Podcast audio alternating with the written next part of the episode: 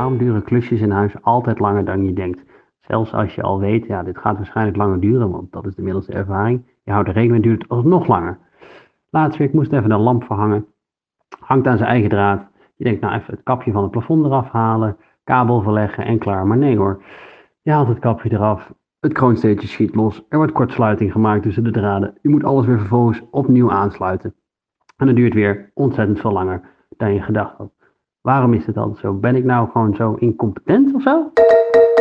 Nu hebben wij dus zo'n uh, schommelstoel om uh, de baby ook uh, een beetje mee in slaap te krijgen. Daar gaat hij goed op. Dus dan kun je zo lekker schommelen terwijl je hem eten geeft. En dan schommelt hij en dan dommel je hem zo in slaap. Helemaal mooi. Alleen zo'n schommelstoel, die gaat dus bewegen. Dus op een gegeven moment staat een kastje rechts naast. Op een gegeven moment beweegt, is hij zo ver naar rechts dat je dus niet meer kunt schommelen. Omdat hij dan tegen die kast aan heeft bewogen. Of achter tegen de verwarming. Of gewoon bloedirritant. Schommelstoel, blijf gewoon op dezelfde plek.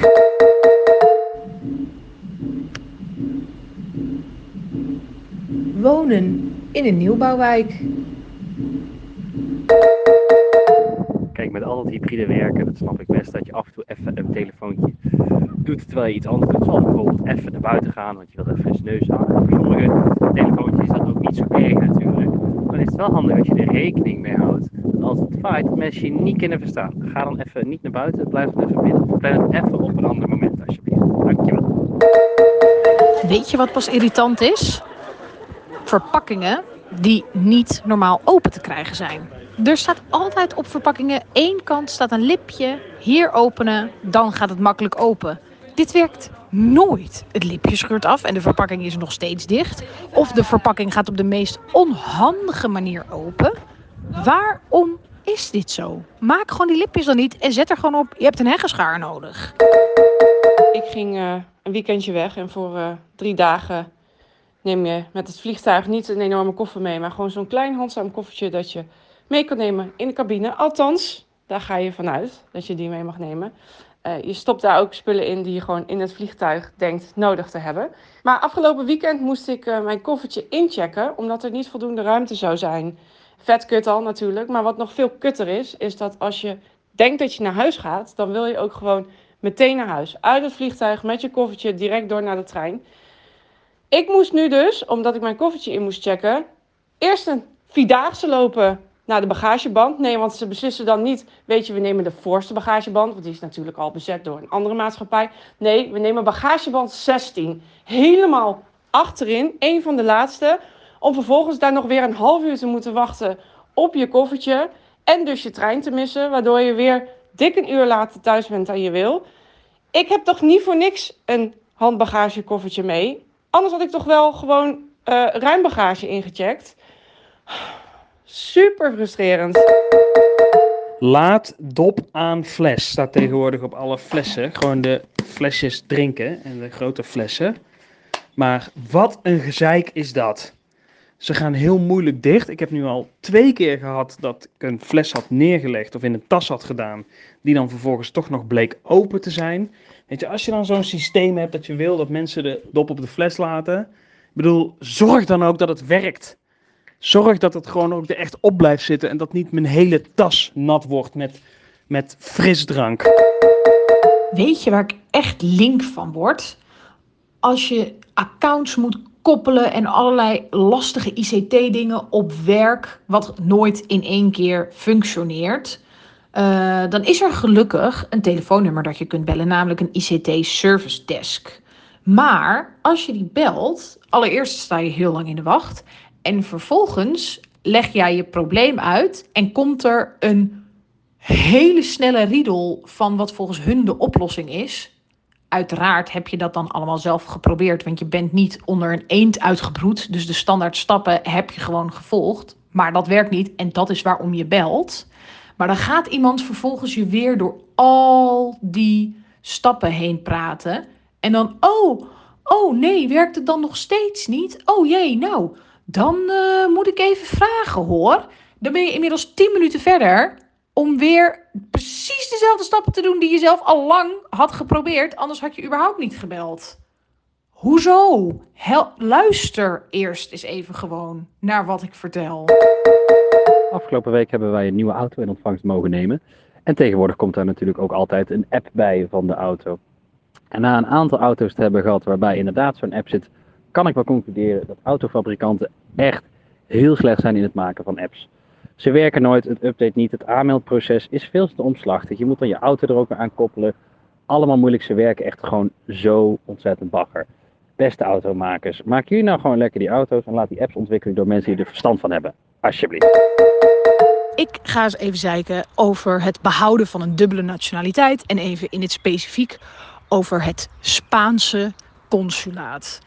Gelukkig hoef je een identiteitsbewijs maar eens in de vijf jaar te mm, vernieuwen. Maar jeetje, wat kunnen die mensen moeilijk doen. Op een eh, Spaans identiteitsbewijs staat namelijk altijd je woonadres. En dat is in mijn geval een buitenlands adres. Bij het Spaanse consulaat mag je dan ook alleen een paspoort aanvragen.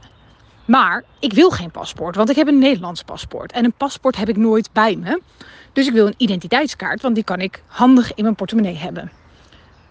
Anyway, die mag ik dus niet aanvragen bij het Spaanse consulaat. Nee, die moet je in Spanje bij de politie aanvragen. Dus ik moet fysiek in Spanje zijn om mijn identiteitsbewijs te vernieuwen. Nou, dat kan, want het komt met enige regelmaat voor dat ik mij in Spanje bevind. Maar nou heb ik daar een certificaat voor nodig van het Spaanse consulaat in Amsterdam. Wat bevestigt dat ik in Nederland woon met daarop mijn adres. Nou, in het verleden is dat al heel veel gedoe geweest om dat uh, te doen. Maar na heel vaak heen en weer mailen kreeg ik dat dan via de mail toegestuurd. Dus afgelopen jaar ging ik met kerst naar Spanje en dacht ik, ik ga dit alvast doen. Want volgende zomer verloopt mijn ID-kaart. Dan kan ik het nu maar vast gedaan hebben. Ik heb sinds november met ze heen en weer gemaild. Ook om een adreswijziging door te geven, omdat ik was verhuisd. Ik heb daar nooit wat op gehoord. Anders dan dat ik opeens post over verkiezingen toe kreeg gestuurd op mijn nieuwe adres. Dus blijkbaar was de adreswijziging wel doorgekomen. En nou heb ik afgelopen week reactie van ze ontvangen dat voor het certificaat ik of fysiek zelf zonder afspraak naar het consulaat in Amsterdam moet. Wat, hoezee, hoezee, van maandag tot en met vrijdag van 9 tot 2 open is. Hoe dan?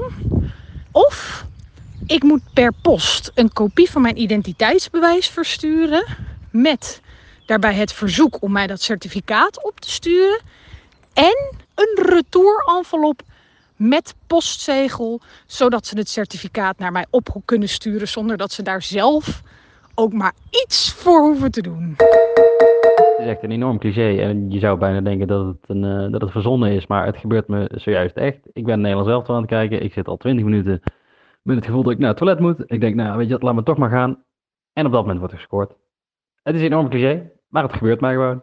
Ik ga naar het toilet en word gescoord. Oké, ik heb het gemist. Kleine toevoeging op uh, het consulaatzeikje. Ik weiger pertinent ooit nog in persoon naar het consulaat in Amsterdam uh, te gaan. Gezien het feit dat ik daar één keer ben geweest. En dan is het handig om te weten dat ik Catalaans ben. En dat mijn Spaans niet heel goed is. Want mijn hele familie spreekt Catalaans. Dus mijn Spaans is als half Nederlandse niet zo goed als dat van echte Spanjaarden, laten we maar zeggen. Dat valt niet lekker daar. Dus ik ben daar echt uh, behandeld als vuil. Dus daar ga ik nooit meer heen. Oh, en nog een relevante toevoeging is dat ik dus een dubbele nationaliteit heb. Maar dat dat officieel nergens is vastgelegd dat dat mag in mijn geval. Nederland en Spanje hebben namelijk niet samen een verdrag dat je een dubbele nationaliteit mag behouden na je achttiende. Um, vanuit de Nederlandse overheid is het op zich geen bezwaar. Die hebben het toen voor mij uitgezocht. Omdat ik mijn Nederlandse nationaliteit niet zelf heb aangevraagd, maar heb gekregen op basis van het feit dat ik een Nederlandse moeder heb. En het is de eerste nationaliteit die ik heb gekregen, ook al ben ik niet hier geboren. Maar dat brengt met zich mee dat ik geen van de identiteitsbewijzen ooit mag laten verlopen. Want dan kan ik niet meer een nieuwe aanvragen. Dus tegenwerking is heel vervelend. Alleen het heeft voor mij wel degelijk heftige gevolgen, zeg maar. als ze niet meewerken. Want als mijn identiteitsbewijs verloopt, dan ben ik mijn nationaliteit kwijt. Wat dus echt bloedirritant is, is als mensen dan naar je podcast luisteren, maar niet even abonneren, even liken, even een mailtje sturen naar gezeik.zijkast.nl. Doe gewoon even abonneren op deze podcast.